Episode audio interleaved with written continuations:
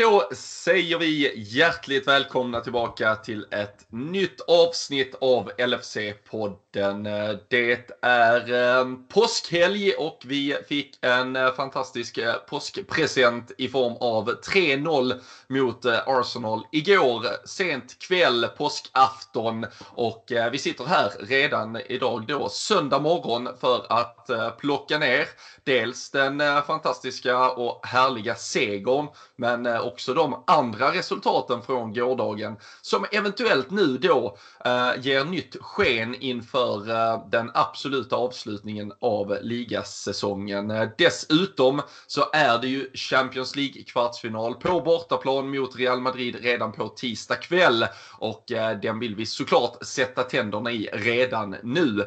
Real Madrid spelar ju själv också eh, ligafotboll så sent som igår. Så där finns eh, massvis att prata om. Där kommer att finnas massvis att eh, hålla sig uppdaterad kring.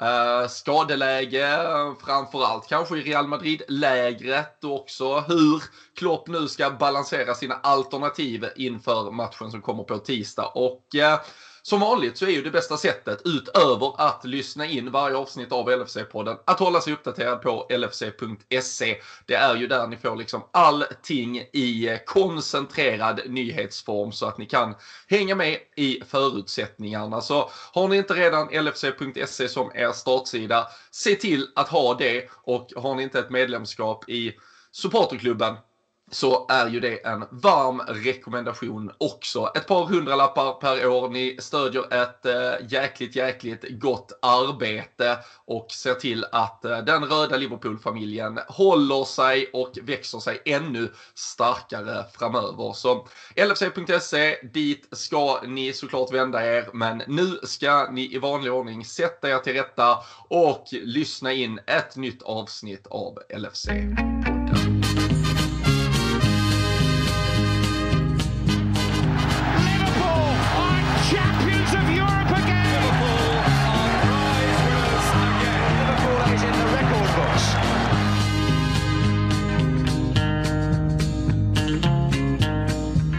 Jajamensan, för här och nu är vi tillbaka. Det är äh, lagom tidig, i alla fall så här i påsktid, äh, morgon, söndag efter en äh, superhärlig seger igår. Och äh, då förgyller man gärna sin påskdag i äh, sällskap med Daniel Forsell. Hur är läget Anna?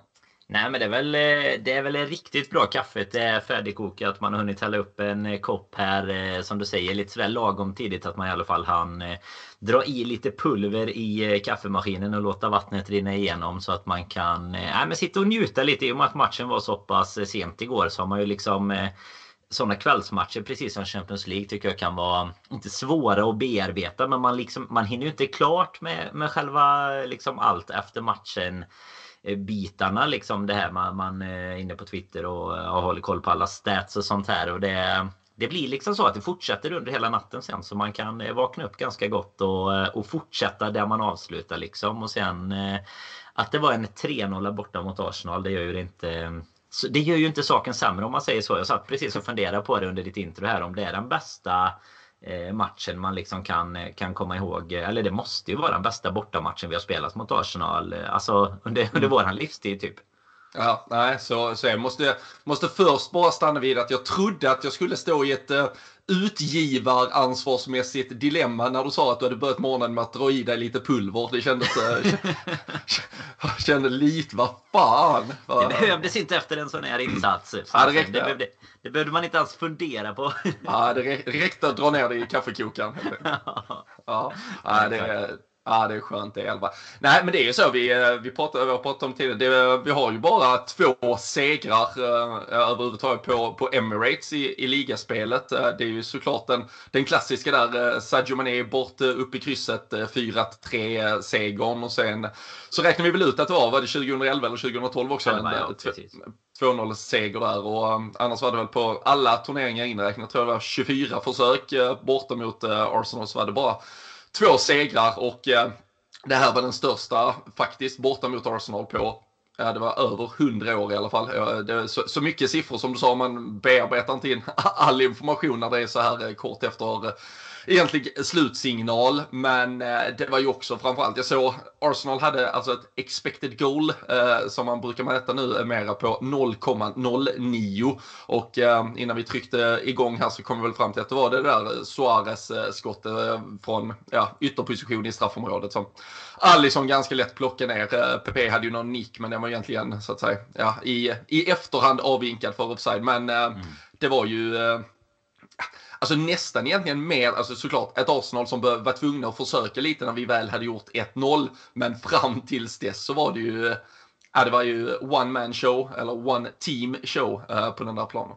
Ja, men det var det verkligen. Jag kan bara börja med att säga där att det var ju det var väldigt viktigt att Suarez fick det skottet i alla fall. För då fick man ju en close-up på Alisson och hans eh, briljanta mustasch också. Den hade man ju inte fått se på hela matchen eh, annars. Men det, den han ligger på bollen och bara ligger och ler lite också. Så det var ju ett perfekt... Eh, det var, vi får nästan tacka för att det inte var 0,00 i den där expected goals statistiken. Men nej, men som du är inne på så jag alltså förvånad över... Det, det, finns väl ett visst eh, styrkeförhållande mellan lagen numera. Det är klart att vi kanske är något pinnhål ovanför Arsenal i den hierarkin. Men med våran form som vi har haft och eh, de har ju ändå haft en lite uppåtgående formkurva om man jämför med början på säsongen. Så hade jag kanske inte riktigt förväntat mig eh, den matchbilden ändå. För det är ändå bortaplan mot Arsenal. och det brukar ju som, som vi var inne på, det brukar inte vara så enkelt. Men jag tyckte att det gick, det gick liksom lite, så här, lite för lätt. Så att man var, man var ju hela tiden nervös att de skulle kontra in en boll eller någonting. Det hade varit en typisk sån matchbild för hur, hur vi spelar just nu känns det som. Att vi liksom hade dominerat allt egentligen. Vann ju varenda duell och till och med Thiago vinner nickdueller liksom. Då fattar man ju att, eh, att laget är lite mer taggat än motståndarna. Mm. Jag menar med hans ringa längd. Inte, inte någonting annat mot honom så. För igår gör han ändå en bra match tycker jag jag. Så att eh, nej, verkligen eh, förvånansvärt. Och sen, eh, sen att det liksom är så, så signifikativt på något sätt att det det, det, går inte hela vägen att vi gör mål, men så fort man byter in. Det, det, det är Little Dancer som han får ta epitetet från eh, Salah nu istället. Eh, Jota här. Eh, så, eh, så tar det liksom inte många minuter innan, innan målen börjar trilla in heller. Utan det är ju en... Eh, jag vet inte, jag kan inte liksom... Det, det är ju verkligen tillbaks till eh, de här riktigt, riktigt bra matcherna. Eh, den här insatsen. Och sen vet jag inte om man ska ge liksom, att det var Arsenal som, som var för fega och var för dåliga. Eller om det var vi som var riktigt bra. Eller kanske en kombination. Jag vet inte vad du känner där egentligen. För jag menar om du tar Aubameyang till exempel. Jag hade ju, alltså man, man har ju sett något litet klipp eh, eller någon, någon liten bild på Twitter om hans eh, frilla där. Men jag hade helt glömt bort det. Så det var typ i 27-28 minuten jag ens insåg att det var han som sprang runt där på vänsterkanten. Mm. För det var ju inte ens, eh, alltså han var ju inte på offensiv planhalva knappt. Även om kommentatorerna försökte säga att han försökte ta lite bra löpningar och sådär. Men det spelar ingen roll när de inte har någon, någon boll i laget. Så nej, jag vet inte fasen. Det kändes verkligen fegt från Arteta tycker jag. Ja, alltså det var ju, alltså det var ju, det var ju ruskigt fegt. Det var, jag har nog aldrig sett, eh, eller jo, för jag har sett Manchester United spela sina toppmatcher den här säsongen och det har ju varit, eh, får de 0-0 så, så liksom, eh, då, då låser ju Ole Gunnar in den på förhand och, och firar och njuter och allt möjligt. Men, men det här var, sen, sen började framförallt när Kieran Tierney äh, går sönder och de byter in Suarez. Och jag inser att tre fjärdedelar av den där backlinjen är Cedric Suarez, Rob Holding och Callum Chambers. Som typ har kämpat mot att ta plats i lag som Fulham och skit liksom när han har varit utlånad och sen så. Så känner man ju också att de är ju på en, de är ju på en nivå just nu som inte, det är väl fel att säga så här, inte värdig Arsenal för det, vi, alltså vi alla har varit i, i skiten känns det Alltså vi hade våra år under Roy Hodgson, eh, eller vår tid där och United har haft eh, sannoliken sina dippar och Chelsea hade någon säsong när man plötsligt kom tia när allting skiter sig. Men det, men det känns ju som att det här Arsenal-laget är ju Alltså det är fan långt och troget förstörande av en fotbollsklubb det de eh, har sysslat med den senaste tiden. Och, och jag förstår ju samtidigt Arteta att han var tvungen lite då utifrån det materialet han hade att försöka spela på det sättet. Jag tror också de var överraskade över att vi var så bra. För jag tycker att vi mm. gör kanske vår bästa match för säsongen. Utan att uh, plötsligt ha ändå varenda uh, match uh, längst fram i, i järnloben. Sådär. Men det, det var ju en riktigt, riktigt bra. Och just framförallt intensiteten från från framförallt centralt mittfält och våra innerbackar så, så vinner vi ju allting. Vi kliver ju vi kliver ju en meter framför dem i varje situation. Det var ju både, alltså även när vi själva tappar boll och man tappar den igen och igen typ så plötsligt kom det ändå en tredje då för dagen ljusblå tå in och tog den bollen. Så, ehm, så jag tycker att vi var riktigt bra men, men det kändes som att de ganska tidigt förstod att det skulle bli en jävligt jobbig match om de försökte möta oss på så att säga lika villkor och försöka gå upp i det utan de insåg att äh, vi behöver nog kliva lite tillbaka och bara försöka stå rätt. Och sen gör de ju det egentligen då i 60-65 minuter där vi inte riktigt lyckas skapa målchanserna. Sen blir det ju då individuell briljans från framförallt Trent som lyckas liksom piska in det inlägget på det sättet han gör och hitta då en, vad är han, 1,75-78 eh, Diogo Jota på huvudet. Och han gör sitt, vad är det, fjärde mål på tre matcher på huvudet och, och tar väl över lite den här Sadio Mané där man eh, tar, eh, liksom, det är lite mot naturlagarna att man ska göra så mycket mål på huvudet men, men dyker ändå upp liksom mellan, i ytan då mellan två försvarare dessutom och, och vinner den. Så men eh, nej, det var ett, ett Liverpool som var bra, ett Arsenal som insåg att de nog inte skulle kunna möta oss i en liksom, fotbollsmatch över 90 minuter utan valde den approachen de valde. Men eh, jag såg vi hade någon av våra gamla trogna eh, podden Away-resenärer som skrev att fan, hade jag varit Arsenal-supporter här nu så eh, då hade jag nog fan gett upp. Alltså de spelar som West Bromwich på hemmaplan i ett stormöte. Och eh, då var det nog inte West Bromwich av igår han refererade till. Utan, eh, men det var ju, äh, det var riktigt, riktigt dåligt av eh, Arsenal och samtidigt bra av oss ska ändå tilläggas tycker jag. Ja absolut och det är ju det som du är inne på pressspelet. Jag tycker inte heller vi ska glömma att eh, både Salah och Mané, nu vet jag, jag har inte kollat eh, statistik på löpmeter efter matchen men känslan var ju att de sprang mycket mer i det här höga pressspelet också. Det var ju liksom som att den här, nu är det många som har varit iväg på, på landskamper såklart men det kändes som att den här vilan vi har fått från eh, Premier League-spel och, och Champions League-spel egentligen att det ja, att vi, vi har fått eh, laget lite tillbaka på rätt köl. Avslutar ju såklart bra och viktigt med en seger mot eh, Wolves också. Men eh, jag tyckte verkligen att vi var tillbaka i det. Att det börjar redan med eh, fronttrion egentligen. Och sen att det verkligen var samma intensitet på alla lagdelar. Och jag vet inte om jag hörde lite mellan raderna där att vi kan förvänta oss ett bud på kanske 25 miljoner pund på Nat Phillips från eh, Arsenal här i sommar. Jag vet inte om du tycker det, om Arteta, om det är hans eh, spelstil riktigt kanske. Men eh, nej, vi får väl se. Men nej, jag riktigt imponerande att vi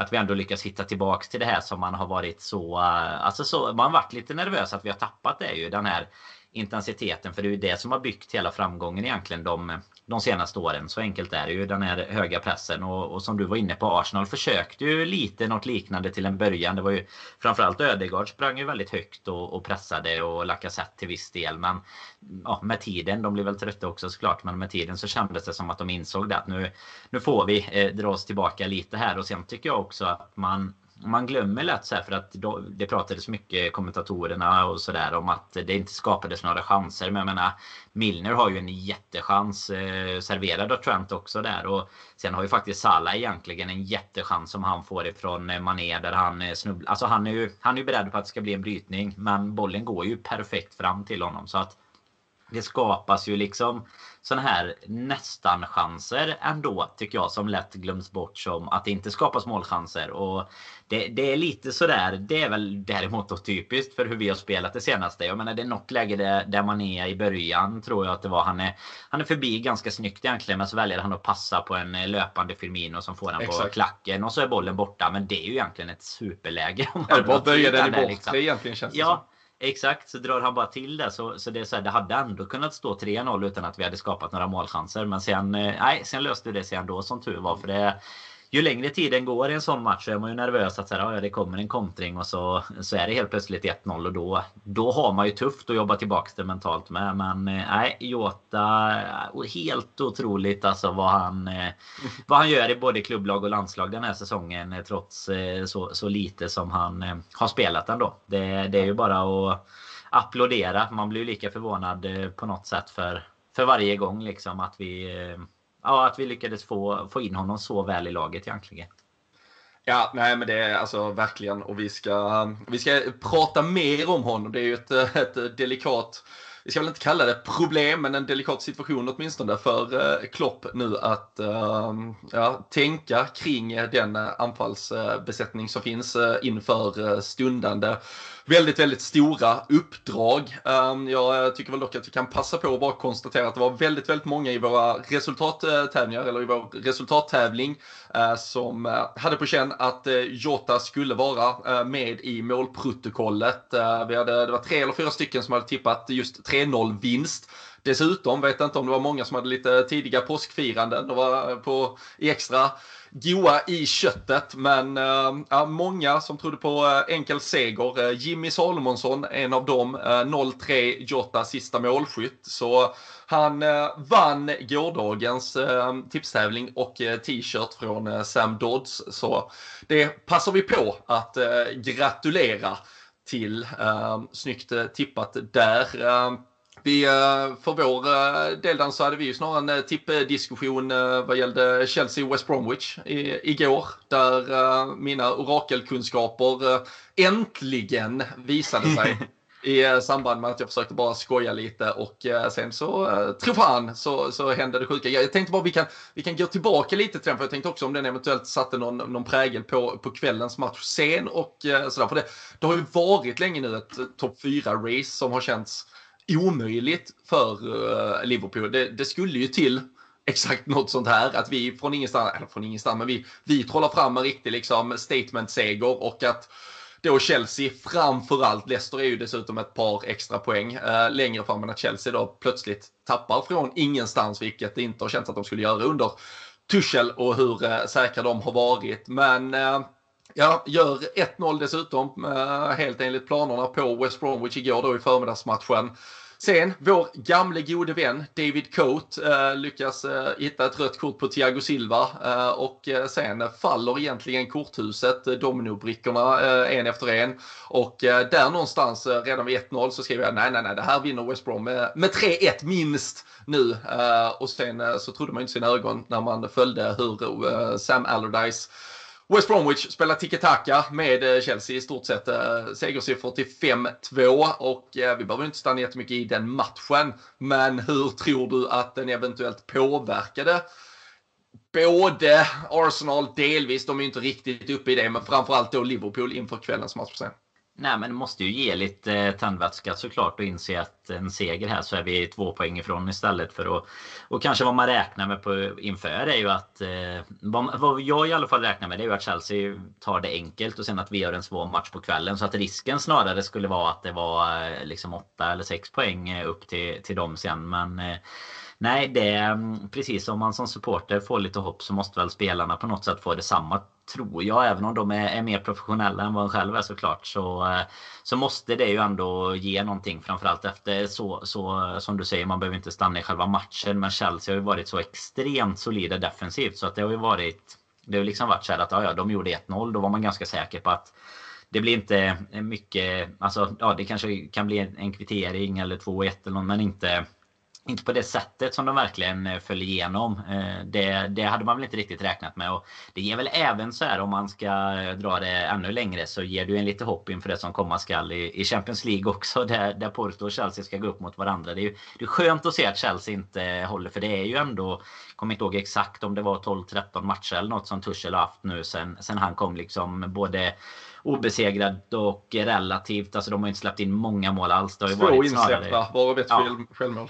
Precis, och det har varit en garant för liksom, de gör inte så många mål men de släpper definitivt inte heller in några mål. Så att eh, i en sån match där de gör två på West Bromwich så räknar man inte att det ska stå eh, fem på andra sidan helt enkelt. Så att nej, det måste väl ha, ha gett eh, tandvätska både för oss och för spelarna och jag menar just det, så som det blev igår var ju egentligen eh, ja, perfect storm för, för Liverpool såklart. Leicester har jag väl inte riktigt eh, med i den diskussionen än känner jag. De är lite, det räcker med de här typ 5-6 poängen framför eh, för att man ska liksom skicka iväg dem en liten stund nu. Det får, det får hålla sig till topp 4. Sen vet man ju hur de presterar i slutet av förra säsongen i och för sig. Så nej, vi får väl ja, se. De har de har, de har West, West Ham borta nästa helg. Uh, Leicester, förlorar de den och är kvar på 56 poäng mm. när vi går upp på 52 eventuellt. Då är det fyra poäng med sju matcher kvar. Ja, det är klart. Och Chelsea eventuellt också närmar sig. Och sen så är det ju, alltså det är ju givetvis så att det är bättre. För City kommer vi ändå inte komma ikapp. Så det är ju lika bra att City vinner en sån match som att Leicester hellre skulle oh ja. springa iväg med tre poäng såklart. Ja. Det, det, får man ju ändå, det, det får man i alla fall ha gett upp nu att vi ska vinna någon ligatitel jag, kan, jag, säsongen. Kan, jag kan meddela dig att vi är matematiskt borta från titeln. City ja, har 74 poäng och vi kan max få 73. Ja, det så. blev till och med så i, igår då. Så att eh, nej, absolut. Det är ju klart. Och, och sen har vi ett United som är inblandade där med. Men de känns väl formmässigt som att de eh, har... De möter vi i och för sig. Det är väl våran våran enda riktigt, alltså nu ska man inte säga att det inte är några svåra matcher såklart, för det är det alltid alla matcher. Men, men det är den enda på pappret. Ja precis och den enda på pappret ju som är riktigt eh, tuff så. Men eh, det är klart att det kommer bli tufft med tanke på Champions League-spel och allt som ska in. Eh, med, med Villa och Leeds och de som kommer här också såklart. Så eh, nej, det är spännande tider och man måste väl ändå säga att vi är tillbaks in i racet. Det, det får ju vi eh, framförallt du också. Nu, nu, när jag hyllar dig för ditt tippande så får du pudla lite efter Fulham. Nu är vi ju med i racet igen. Det får du officiellt eh, panga in ja. här nu. Ja, nej men alltså det är vi. Vi har satt eh, så sent som eh, i eh, det var torsdags. Vi gjorde ett program som heter Big Six på, på Dobb-TV där vi, där vi pratar allmänt Premier League-topplagen. Ganska fokuserat i och för sig. Men, men där jag sa liksom, jag hade tagit ett, ett kryss på förhand antagligen för att inte, alltså just för att inte bjuda in dessutom då lag som Arsenal mm. bakom sig in i vad som kan bli Även då platser om Europa League och eh, så vidare. Och lite det jag pratade om där var väl där man tidigare kanske har varit så här lite, ah, Europa League, fuck it, skitsamma, klarar man det eller inte, det spelar ingen roll, det kan man fokusera bara på ligan. Men vi kommer nog kanske vara i en situation där förhoppningsvis egentligen, alltså vi som älskar Premier League, att vi har väldigt många starka Premier League-lag. Och det, det, har det ju visat sig den här säsongen. Man kan antingen prata om att alla är jättedåliga eller så är ju alla ganska bra. Och tittar vi hur det går i Europaspelet så är det väl snarare att de flesta är ganska bra, för vi är ju ganska långt framme, alla engelska lag. Och, ehm, och då kommer Spurs, va? Utom Spurs. Det var något med dem. ja, det var något, något med dem och Zagreb och Joe Harts eh, sociala medier och, och, lite annat. Men, Uh, nej men så annars så tror jag, för nu, till exempel om vi tittar på ett lag som Arsenal som spelar då Europa League denna säsongen. De är alltså i en kvartsfinal mot Slavia Prag, en potentiell semifinal mot typ Villarreal och sen, sen är det en final och då har du alltså en, en match som är en biljett till nästa säsongs Champions League faktiskt. Så där har jag väl svängt liv. Jag har alltid velat och hoppats att vi ska ut i så stora europeiska turneringar som möjligt. Blir det Champions League så ska man såklart ut i Europa League. Men där jag kanske inte riktigt har tyckt att den var så jävla viktig eh, så, så har jag nog ändå börjat inse att jo, det är, det är, fan, det är fan viktigt. Ehm, att klara det, för det är en, det är en bra liksom, extra chans till nästkommande säsongs eh, Champions League också. Så eh, nej, och, eh, och ska man vara ärlig, du, du började räkna lite på det. Alltså hade Chelsea bara gjort vad de skulle göra, det vill säga slå West Brom, då har de 54 poäng. Jag tror de flesta supportrar ändå hade varit lagom nöjda med ett kryss igår, alltså på förhand att ja men en stor match borta mot Arsenal, vi har bara två segrar på 24, så alltså, vad ska vi förvänta oss? Då har vi 47 poäng, då är det 7 poäng upp till Chelsea med 8 matcher kvar. Och eh, då, alltså det, det ska ju egentligen, så nej det här är ju eh, det är en sån jävla guldbiljett in eh, i racet så, så att det knappt är sant. Och ehm, Ja, lite sådär känns det. Jag skrev eh, på morgonen eh, när man liksom börjar sätta sig och fnula och tänka vad, vad är det för match, vad är det för spelare, hur mycket, vem har spelat landslagsmatcher. Så jag tänkte att det kanske ändå är läge för Andy Robertson till exempel att vila när han går av efter drygt eh, vad var det, 55-60 minuter. Vilket han Precis aldrig... över 60 kan jag säga för att jag, ja, det var en eh, liten sån fantasy-diskussion där. Han, gick, ah, okay. han blev utbytt i 59-50 typ och så gick han ut i 60-05 eller något och då ah, fick han sina poäng. Ja, det är, det är ju vidrigt bara det egentligen. Men, uh, nej, men just att han byts ju egentligen aldrig och frågan är om det var tänkt att han kanske skulle ha vilat från start rent av, men att man eh, ändå liksom tweakade upp det lite när, eh, när vi såg vilken chans vi hade. När plötsligt tre poäng var jävligt betydelsefulla. Uh, jättesvårt att veta liksom, om, om vi mm. tar så sena beslut. Men uh, jag, jag tyckte ändå vi kom ut med ett kanske lite starkare lag än vad jag trodde med tanke på uh, Real Madrid på tisdag. Så, men nej, nu, nu är vi inne i, i racet. och ja, du, du säger Manchester United det enda. Alltså Manchester United är det enda laget i topp 9 vi ens ska möta. Alla andra har vi mött två gånger. det är mm. väldigt på pappret enkelt schema. Sen är det ju på pappret det schemat vi har haft absolut svårast med Exakt. den här säsongen. Nej men så är det ju. Det, är ju, det, är ju, det kan man alltid prata om liksom hur eh, vädret ser ut. Så det är ju ofta Kanske som eh, ett sånt här, nu i och för sig stod ju Arsenal lite som du sa att någon hade skrivit där som mer som VBA än som Arsenal kanske. Men eh, alltså det är ju ofta de matcherna som vi kanske har presterat bäst. Alltså ta Leipzig till exempel där, där vi får ett motstånd som eh, vill spela fotboll och då, då eh, kanske vi har lite större möjligheter att göra det vi är bra på också. Så nej, det återstår väl att se. Men jag tycker jag bara kopplar in lite på din Europa League diskussion där. Så tycker jag också att man, man kan ofta skoja om det liksom att så äh, fan det är lika bra att missa den skiten. Men, men det är det ju definitivt inte. Alltså dels får man ju fler matcher som supporter. Det är ju bara det är ju en bonus liksom. Man, man sitter ju bänkad där även om det är något så här lag från eh, Bratislava liksom och, och man ska åka på någon eh, tung bortamatch i Ryssland eller något. Men det, det blir ju liksom så här att man har ju man, man jämför ju det hela tiden mot Champions League. För tar man bara det året vi, alltså där vi gick långt, där vi var i finalen i Europa League. Det var ju en jättekänslostorm och dessutom hade ju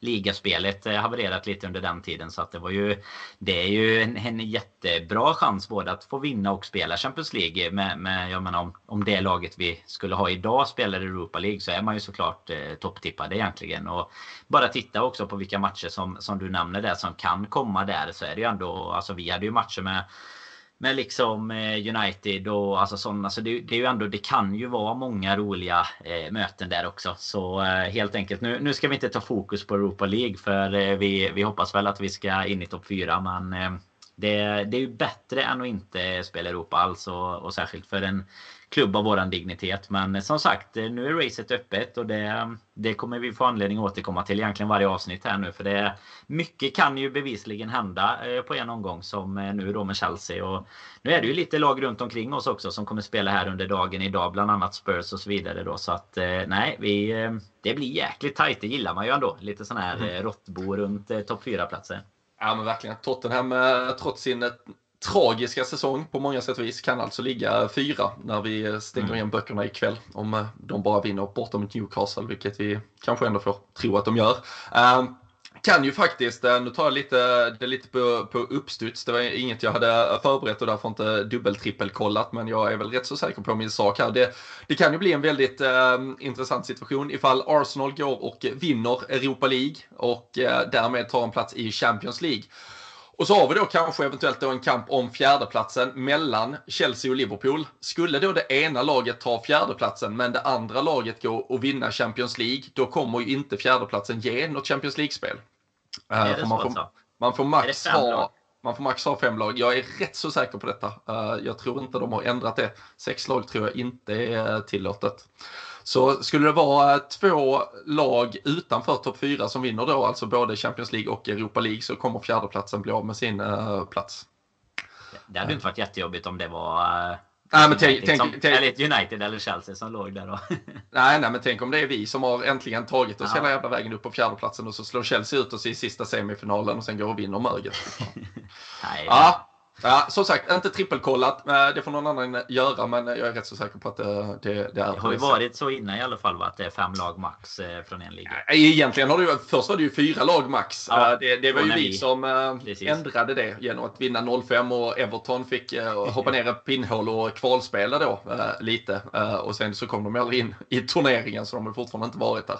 Men sen, sen så vet jag, fem lag har det ju varit kan det ha varit när Chelsea vann över Arsenal här för något år sedan i finalen? Uh, nej, men fem lag har det varit, men sex lag från samma land, nej det, mm. det, det händer inte. Det kommer, inte, det kommer inte ske. Så det, det kommer inte, vara. Innan de för, eh, inte innan det blir större. Innan 2024.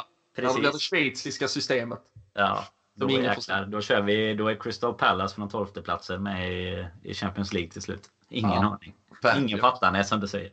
Premier League, vi kör bara Premier League och så lägger vi till fyra vinnare från de fyra största ligorna som vara med i Premier League. det där får vi gräva ner oss i sommar när vi har lite, när det, när det inte är några transfers på gång så får vi ta, får vi ta ett krafttag kring eh, förändringarna i Champions League. Ja, nej, det ska vi verkligen eh, göra. Uh, vi kan väl annars bara konstatera från, från matchen igår att uh, Ozan Kabak och Nat Phillips nu har fyra starter, fyra segrar, fyra nollor.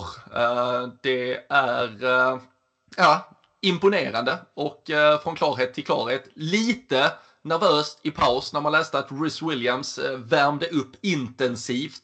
Och sen så klev ju faktiskt Ozan Kabak av med 7-8 minuter kvar. Han såg väl i och för sig inte liksom superplågad ut.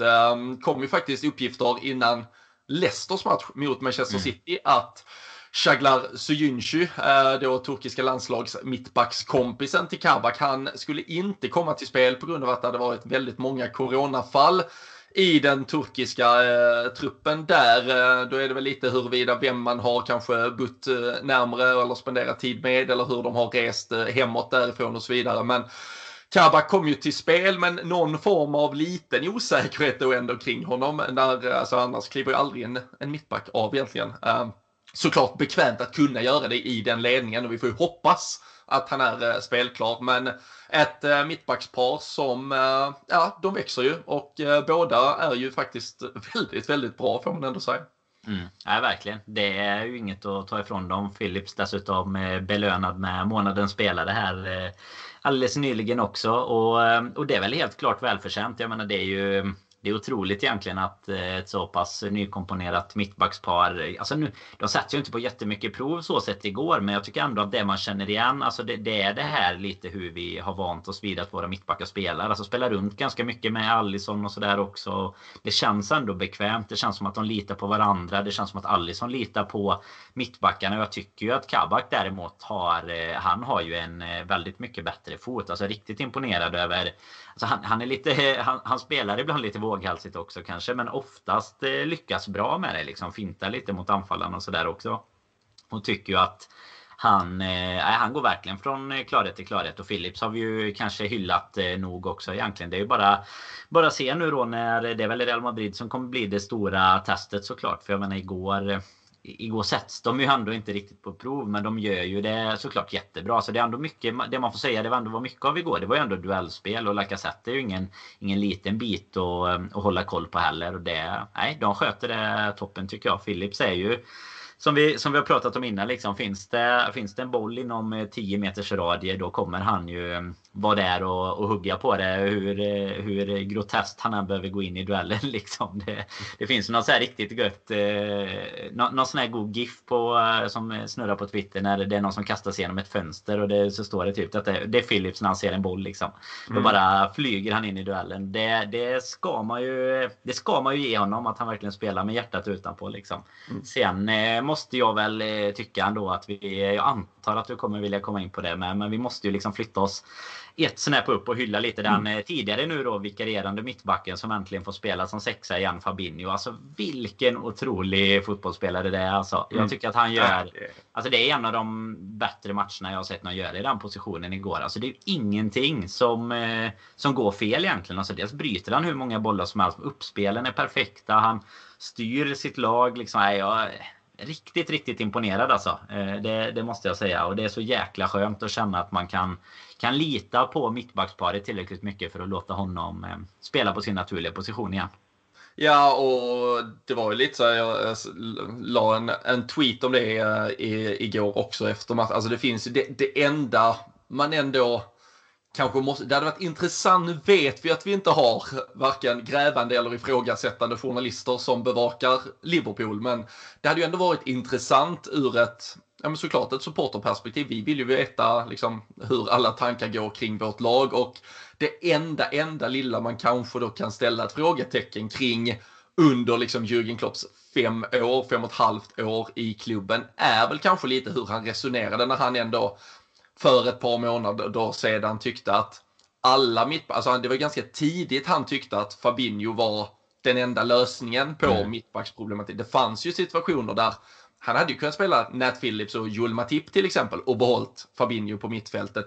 Det fanns ganska tidigt när han valde att spela både Henderson och Fabinho istället för en av dem med Nat Phillips och ändå behålla mitt, alltså, och ska vi vara ärliga så var det väl kanske under den, den perioden i januari, februari framförallt där, där vi var som allra, allra sämst. Och jag tyckte, jag förstår ju det var som någon skrev till mig, men vadå, det var väl inte jättemånga som var kritiska när han valde det. Så, nej, kanske inte direkt, men det var ändå ganska tidigt det var en diskussion om att vi förflyttade problemet från försvarslinjen till mittfältet och att det i sin tur då påverkade kanske större del av spelet över hela planen kontra om du bara hade skruvat ner din liksom mittbackskapacitet ett par procent på grund av att du spelar med en lite sämre spelare där. Och det, jag tycker ändå liksom så här, om man hade gett Klopp frågan så här, med perspektiv här och nu när du tittar på vad du ändå kan få ut av en Nat Phillips, hur mycket bättre ditt lag blir när du spelar Fabinho på mittfältet. Känner du kanske att du Gjorde du fel? Liksom? Var det fel beslut där och då?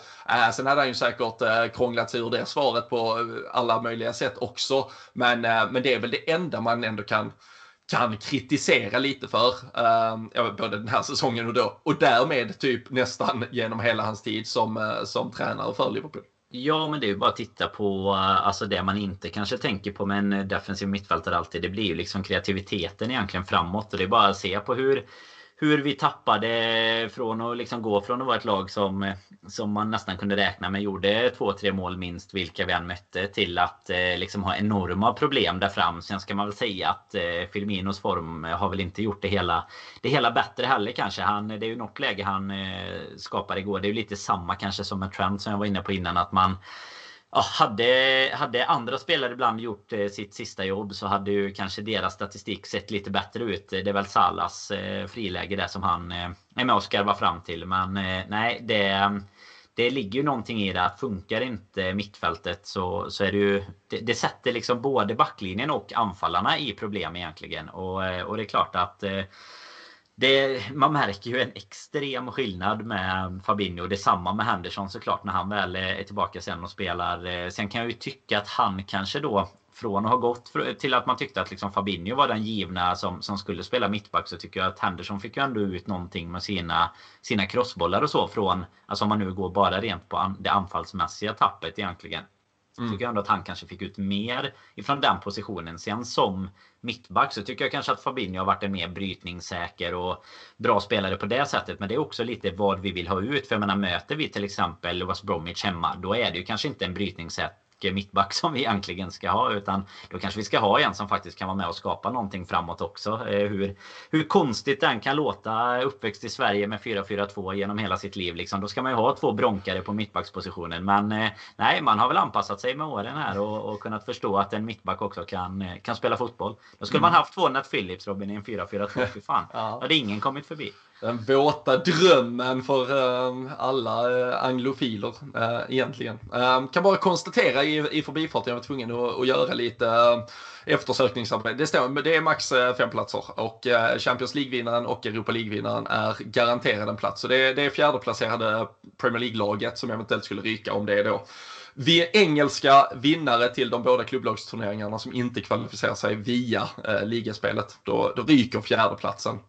Jag tycker så synd om alla som pausade avsnittet där för att göra sin research och så inser de nu att fan Robin har redan gjort den ändå. Ja. Nu kan jag bara kasta, nu kan jag kasta den arga tweeten som jag hade förberett här. Ja, nej, arbete görs uh, live såklart uh, hela tiden. Men uh, nej, jag, alltså, och där, där du börjar egentligen, alltså det är ju en diskussion, finns, finns det någon bättre defensiv mittfältare än, än Fabinho i världen? Liksom? Han är, eh, det är helt outstanding eh, hur, hur bra han är.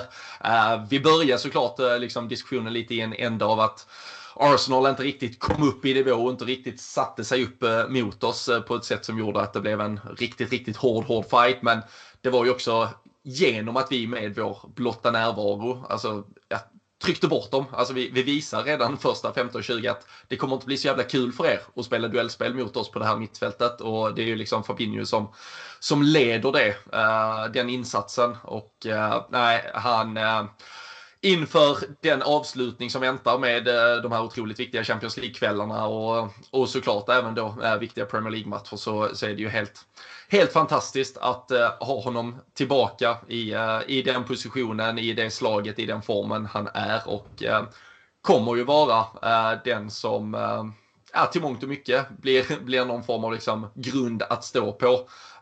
vi kan liksom fortsätta hylla liksom någon form av överprestation i, i framförallt då en Nat Phillips och att Ozan Kabak överhuvudtaget är så bra som han är.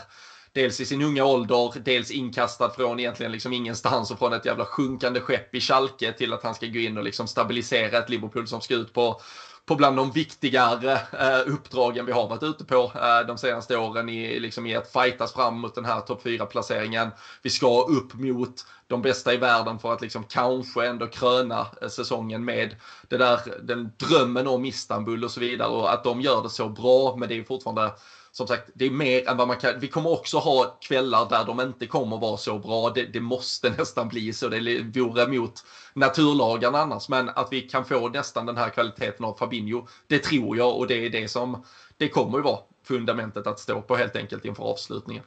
Det är så ruggigt härligt också att Fabinho har den här auran som van Dijk har. Att han ser, eh, han ser nästan aldrig riktigt, riktigt trött ut. Utan det är så här, nej, han, nej. han bara går in i en brytning och så är det så här, ja, det, var väl, det är väl det jag är här för liksom. Det är väl, ja. varför, varför klappar ni liksom? Det, är det, det var ju det jag skulle göra. Det är liksom ja, men, den känslan. Precis ja, men, så som van Dijk är liksom så här tar en duell, löpduell mot eh, typ eh, Rashford eller någon som ser hypersnabb ut. Men så här, när han väl har brutit så, ser det ut som att han joggade liksom. Han har så ja, stora kliv eller något. Jag vet inte fasen. Ja, det var, var, var det också med Suarez när han drev upp den i, in i centralt i banan när Fabinho bara klev över. Det skulle absolut varit frispark ja, ja. till Arsenal. Men han, liksom bara, han bara sprang igenom honom i stort sett. Bara så, men vadå? Här, var ju, här kommer ju jag liksom. Den hade vi fan innestående ändå. Det, den ja. Eh, varningen där. Det var väl eh, Ceballos som hade någon ja. eh, ruggig kapning på Thiago. Men det var ju... Det, det domare och frisyrer hade vi kunnat göra en helt egen podd om här. Vad var det han hade på huvudet? Hade han det är ju antingen... Alltså, det... vi hade ju den äkta, den äkta, om vi säger så här, den äkta Ronaldo var ju nyss ute och bad om ursäkt till alla föräldrar för sin frisyr VM 2002. Ja, kan man ju tycka är 19 år för sent, han ber om ursäkt där i och för sig. Men alltså Stuart Atwell, vad fan har han på huvudet igår? Nej men det kommer ju vara med på våra nästa quiz. Här. Det är så här, gjorde han det ett själv, kryss, mamma, två, frugan. Det är ju så här, vem, vem var det som klippte det? Liksom, Nej, det antagligen, antagligen själv. Så här insåg ja, frisören har sent varit... att bara, fan jag måste, jag måste ju klippa. Och frisörsalongen har ju varit, de har ju varit stängda i ett år i England liksom. Ja, nej, helt otroligt. Så här, Läs... sitter, han satt med så här eh, halvlångt hår ner på ryggen och bara shit också, jag måste ju klippa mina matchen. Ser för jävligt ut. Ja, helt otroligt. Nej, Älskar ju också när han... Han, när han... eller Auba, jag vet inte vem som... Eh, nej, Auba har i alla fall gjort något sorts försök till, eh, liksom, han, han har i alla fall gjort det medvetet. Ja, äh, det är som att han liksom börjat raka och så bara så fan, nej, vi hinner inte! Har stö inte ställt om klockan här, måste sticka liksom. Ja, vi, vi lämnar den här lilla toppen här. Ja. Otroligt, ehm, det var ju lite kul när han, eh, Jota får väl gult kort också, typ så här fem minuter in i matchen liksom, när han eh, trycker till lite och sen så kommer El Neni en sekund efter och bara tar, om det också är Jota, bara liksom, kastar iväg honom och så bara, nej, det var inget gult kort här. Ja, men... Ehm, men det var jätteoväntat som du säger att han fick det gula, för det kändes kändes det som att han hade ju, han hade ju liksom antingen glömt korten eller bara bestämt sig för att mm. det, det, ska krävas, eh, det ska krävas extremt mycket. Men det var väl egentligen, eh, det blev väl enda... Det var det enda. Gabriel fick väl ett i slutet. Ja, det fick han. I, ja, mot sista mm. minuten bara sådär. Men eh, nej, det, det är väl skönt i och för sig emellanåt att det, att det kan vara så också istället för att de ska blåsa för allt. Ja, absolut. Och um, i övrigt egentligen inte så mycket man behövde prata om uh, domarna. Så det var ju väldigt, väldigt uh, skönt. Uh, och, ja, jag tänker på det nu innan vi går vidare. Bara, var det en taktik med frisyren? Att vi skulle slippa prata om med tacklingar och Hans insats liksom skulle inte komma i fokus. Liksom, frisyren skulle komma i fokus. Alltså jäkla smart. Precis som Ronaldo 2002. Han har lärt sig ja. någonting man hade ju ändå uppskattat om jag fel, alltså det här, det här är ju bara en otroligt dålig frisyr, men alltså lite dummare med typ så Aubameyang-frisyrerna eller så här liksom gul, färgat gult och rosa. Ja men den manér kör typ, Blixten. han bara har så här blixten. Alltså bara köra lite sådana grejer. Det är väl inget. Ja. Nej, mer sånt. Verkligen. Ja, ja, verkligen. Bättre frisyrmode på domarna. Det, det uppskattas. Och eh, nu eh, är det ju eh, som sagt då, det tajtar till i eh, topp 4-racet. Eh, Aston Villa väntar för oss eh, nästa helg, men däremellan och eh, därefter då så, så är det ju framförallt ett dubbelmöte nu mot Real Madrid i eh, kvartsfinalen av Champions League. Eh, vi kan väl konstatera att det var ett Real Madrid som slog Eibar med eh, 2-0 igår. Um, Eibar får man ju bara snabbt kort och, och tänka på. Uh, har ju varit och spelat eh, uh, Quisaleta tillsammans med vår uh, käre LFC-poddvän eh, Jocke Lundberg som eh, dyker upp i olika sammanhang ibland. Jag tycker man ska gå in och titta på det på Dobb-TV. Det var ehm, just bland annat att man skulle droppa massa spanska suspekta fotbollslag var en av deltävlingarna. Jag tror Eibar nämndes där. Sen nämnde vi visserligen kanske också lite lag som man inte borde ha nämnt och så. Men man får in och kika på det. Jag vet inte, har du hunnit kika på det Danne? Ja, jag har hunnit, kika en hel del, inte helt klart än. Men jag vet ju att det väntar en spännande slut sluttamp. Eh, som, som har liksom den, den eh, jag har inte poppat tillräckligt med popcorn helt enkelt än så länge för att sätta mig med, med gegen än. Men eh, det mesta har jag sett. Ja, det är bra. Vi får, ni andra får man kan ju se lite som, det är ju ett ja, frågesportprogram med bara fotboll i fokus såklart. Sju, åtta olika kategorier och man tävlar i olika format där för att plocka på sig poäng. Eh, jag och Jocke då går upp mot eh, Discovery-duon eh, som jobbar då med Europa League och Allsvenskan, lite annat. Rami Nouri och Pelle Bäckman i första matchen här. Sen ska vi möta allsvenska duon. De är då spelarlaget Hjalmar Ekdal och Axel Björnström. Men Discovery-duon där, den matchen är ute på Dobb-TV. Så kan man kika in, så får man väl mäta sig lite indirekt, kan man väl mäta sig lite med, med våra fotbollskunskaper då. Se om man är snabbare på på bollen än eh, vad vi är. Men eh, Eibar som sagt var ett av lagen som nämndes där. Det var också då laget Real Madrid slog med 2-0 Igår, eh, det vi kan konstatera egentligen bara av matchen, eh, det är ju kring de osäkra spelarna som det ändå har varit lite diskussion kring. Toni Kroos bland annat lämnade den tyska landslagssamlingen, men var tillbaka i truppen igår, blev inbytt. Eh, så det var väl egentligen ett steg mot att han ska vara redo på tisdag mot Liverpool. Sergio Ramos däremot, han är eh, bekräftad out. Eh, troligtvis båda matcherna. Absolut här på tisdag också. De har ju också ett El Clasico när vi då mellanlandar mot Aston Villa. Eh, och eh, det är ju såklart ett jätteavbräck för dem.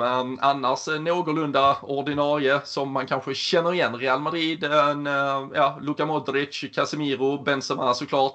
Isco, ehm, ett par spelare till. Det var också en Rafael Varan som ehm, spelade, startade på bänken för dem igår. Ehm, enligt de flesta så tror man väl att det är han och Nacho som kommer att vara mittbackspar mot oss. Men vad känner man Danne inför Real Madrid? Eh, och eh, liksom det är ju, ja, namnet Real Madrid är ju liksom, då är det ju världens bästa lag. Tittar man på, på, på, spelarna så är det plötsligt, ja det där är ju lite som, som vem som helst. Sen är det Champions League, det är avgörande. Man vet att till slut så, så handlar inte så mycket om kanske hur säsongen i övrigt har sett ut.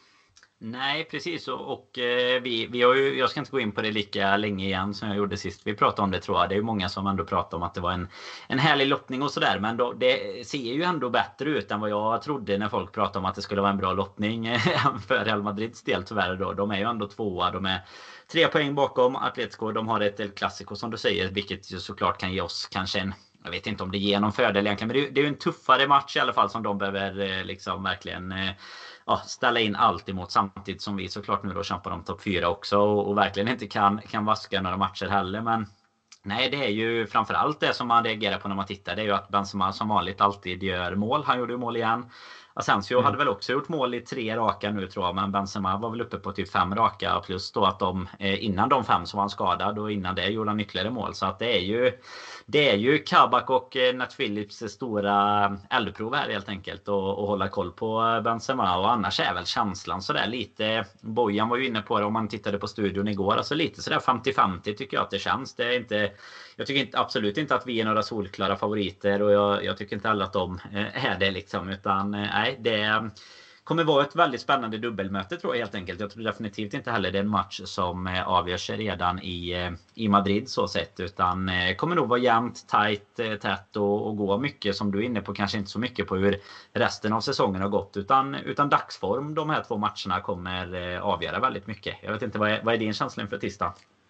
Uh, nej men ens, fan, knappt så jag har en känsla än. Uh, det, liksom man, den skulle omstarta sig själv igår och så, så plötsligt, framförallt med Chelsea-matchen där, så blev det så mycket, mycket fokus. Det kändes liksom, egentligen känns det som att man skulle ha gårdagen till att börja förbereda sig för tisdag, men istället blev den blev så viktig eh, i sig. Eh, så jag, jag, är nog inte riktigt där än, men, men precis som du ändå är inne på, alltså det är ju två, det är ju två i grunden för det första historiska jävla giganter och då vet man att direkt den jävla Champions League-hymnen börjar pumpa, då, då lämnas väldigt mycket av allt annat som rör liksom välmåendet i klubben åt sidan. Det spelar egentligen ingen roll. Dessutom så är där väldigt många spelare i båda lagen som har spelat väldigt många stora matcher de senaste åren som har varit framme hela vägen i, i finalerna som har vunnit den här turneringen och eh, det, det betyder ju jäkligt mycket. Jag tror inte man kan underskatta det i alla fall i ett sånt här sammanhang. Och eh, sen då som du är inne på, jag tror Real har väl fyra raka segrar nu och visserligen har ju vi då plötsligt också vunnit ett par matcher på rad här så det, det är ju två lag som då plötsligt är kanske lite bättre nu än vad man var bara bara när vi spelade åttondelsfinaler för ett par veckor sedan. Eh, då kanske det såg som eh, lite drömlottning för vem som helst att, att få oss eh, sett till form. Men nej, det, det blir ju, ja, det blir ju riktigt, riktigt stora matcher. Sen, sen är det ju, den, det måste man ju konstatera, en jättefördel för oss att Sergio Ramos är, är borta. Um, han är ju liksom på många sätt, han är ju ja, deras van Dijk, men alltså han är ju, han är ju så mycket med, han är ju också han är ju också deras Steven Gerrard, han är ju också mm. deras Mohamed Salah, för han är också den som kliver fram och gör jätteavgörande mål, framförallt en straffskytt som liksom dunkar dit den varenda gång. Och eh, där, eh, det, det, är ju, alltså med sin blotta närvaro så gör han Real Madrid till ett, till ett vinnande lag. Liksom. Det är en aura och en pondus eh, som, som plötsligt försvinner och eh, det är ju väldigt, väldigt skönt att slippa. Men eh, det är ju fortfarande, det kommer ju till 99% vara ett mittfält med Casemiro, Modric och Kroos som man vet att på sin bästa dag så är det liksom, då är det ju ett av världens bästa mittfält. Sen, sen är det ju absolut inte samma, de är inte på samma höga nivå lika lika kontinuerligt kanske just nu som de var för ett par år sedan. Alla närmar sig någonstans, liksom, lite, lite åldrande, lite likt vår fronttrio, liksom att man vet vilken höjd det finns i den, men att det kanske inte kommer ut varje gång och sådär. Men eh, nej, det, eh, ah, det känns riktigt jävla svettigt ändå och, och som du sa, det är, det är fortfarande, vi, vi, alltså, som jag sa, liksom med Nat Phillips och Kabak, de, de har varit så otroligt bra, men de, det bör vara emot naturlagarna att de är det varje match hela säsongen och då ska de plötsligt upp mot Karim Benzema som är, som är en jävla målgarant i stort sett och eh, alltså kan de stänga ner honom nu i 2 gånger 90 liksom det då, då börjar vi prata uh, hur eh, de ska adlas uh, båda två liksom. Men uh, det, det, blir, uh, det blir riktigt jävla spännande och eh, som, som man alltid konstaterar dessa tider så är det ju så jävla trist bara vilken inramning det blir liksom utan publik på en jävla träningsanläggning i Madrid först och sen, och sen att vi inte ens får spela vår hemmamatch på Puskas-stadion i Budapest utan måste spela den på Anfield. Ja, nej, det är som du säger. Det, det, kan man ju inte undertrycka mycket nog såklart ju längre Champions League går. Hur, eh, hur segt det blir. Men nu, eh, ja, det, det kommer ju. Det närmar sig ljusare tider eh, förhoppningsvis gällande publikfrågan också. Och, och, finalen har vi redan pratat lite om att de, vad de har för planer. Det hinner väl ändras åtta gånger fram till dess. Det är ju ändå nästan två månader dit. Men nej, det, jag har inte sett det här än faktiskt. Jag har bara sett något litet klipp det här med att de spelar på sin träningsanläggning. Så det, det gör väl att inramningen kommer ju bli, eh, bli ännu värre helt enkelt. Men eh, nej, jag hoppas det kan eh, kan eh, tända till spelarna ändå. De, har väl något litet, eh, de kör väl någon, har de någon sån här bergsprängare då som de tar ut och ställer och så kör de Champions League-hymnen på den och så får, får han som går och filmar spelarna få ha den på axeln sådär så att det ska höras för. alltså, vi, vi, liksom. vi, ska väl bara liksom föra till protokollet att deras träningsanläggning inte är liksom som så här B-planen utanför Ryavallen i Borås utan det, den har lite bättre förutsättningar. Absolut. Du du har ju eh, lagt några långbollar på min gräsmatta här på baksidan. Är den bättre eller sämre än, än gräsmattan här? Det, det skulle jag säga hugget som stucket. Det är en av de bättre gräs, gräsmattematcherna man, man har spelat äh, bak, bak där. Men äh, det, äh, fan, det, det, men det är ju så att säga vad det är helt ja. enkelt.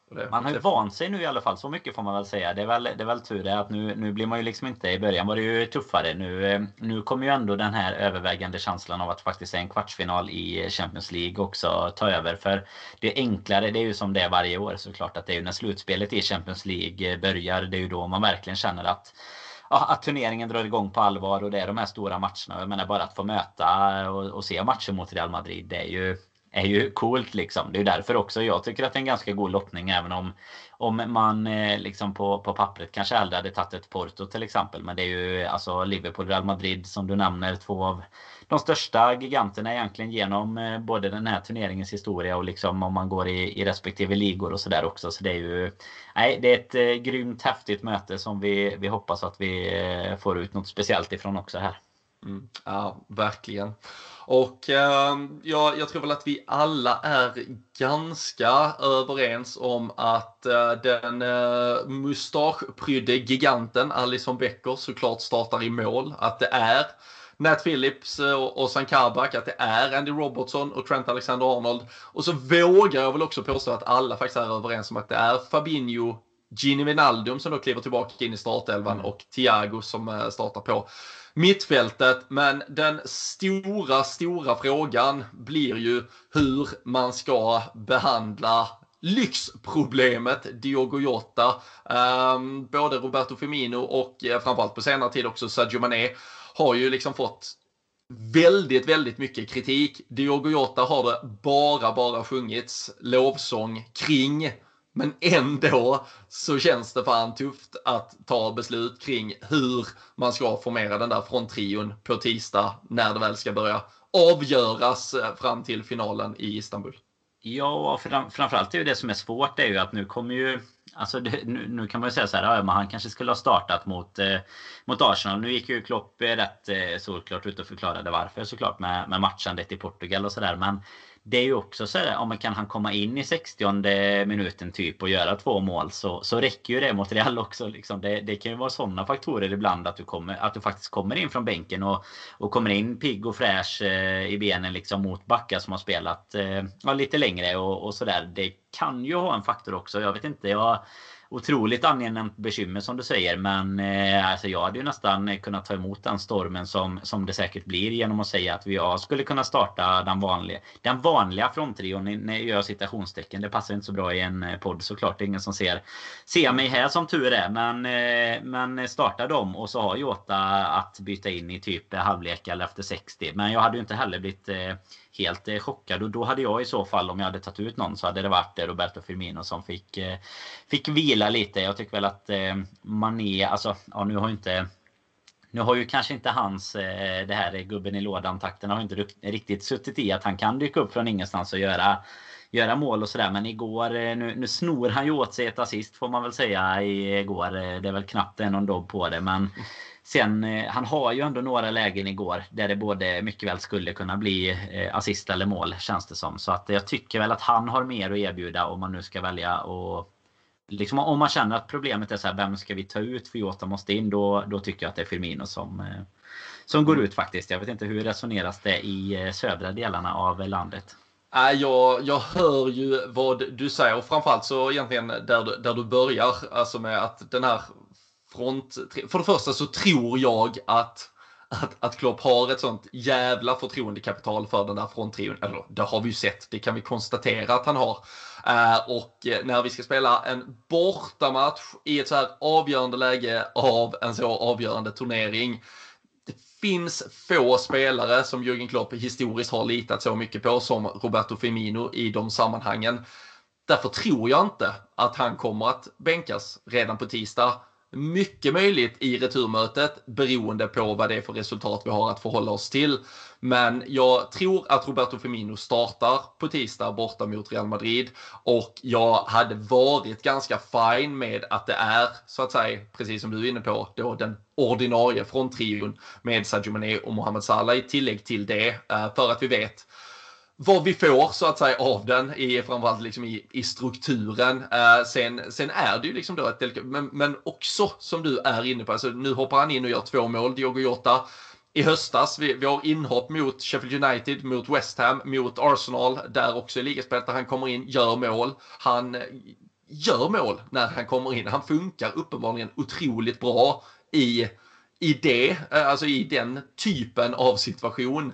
Ehm, jag, det är ju det är ju, liksom, det är ju jävligt tufft att det ska ligga honom i fatet egentligen. Men, men det är ju, jag ser ju hellre han komma in sista 30 än om vi hade startat honom och behövde plocka ut mm. honom för att slänga in Roberto Firmino sista 30 när vi jagar ett mål borta mot Real Madrid. och, och där måste man väl säga till vad är helhetsmässigt bäst för vårt lag över 90 plus minuter här. Och dessutom som en där man egentligen bara ska lägga en grundförutsättning inför ytterligare minst 90 minuter som ska spelas i en returmatch.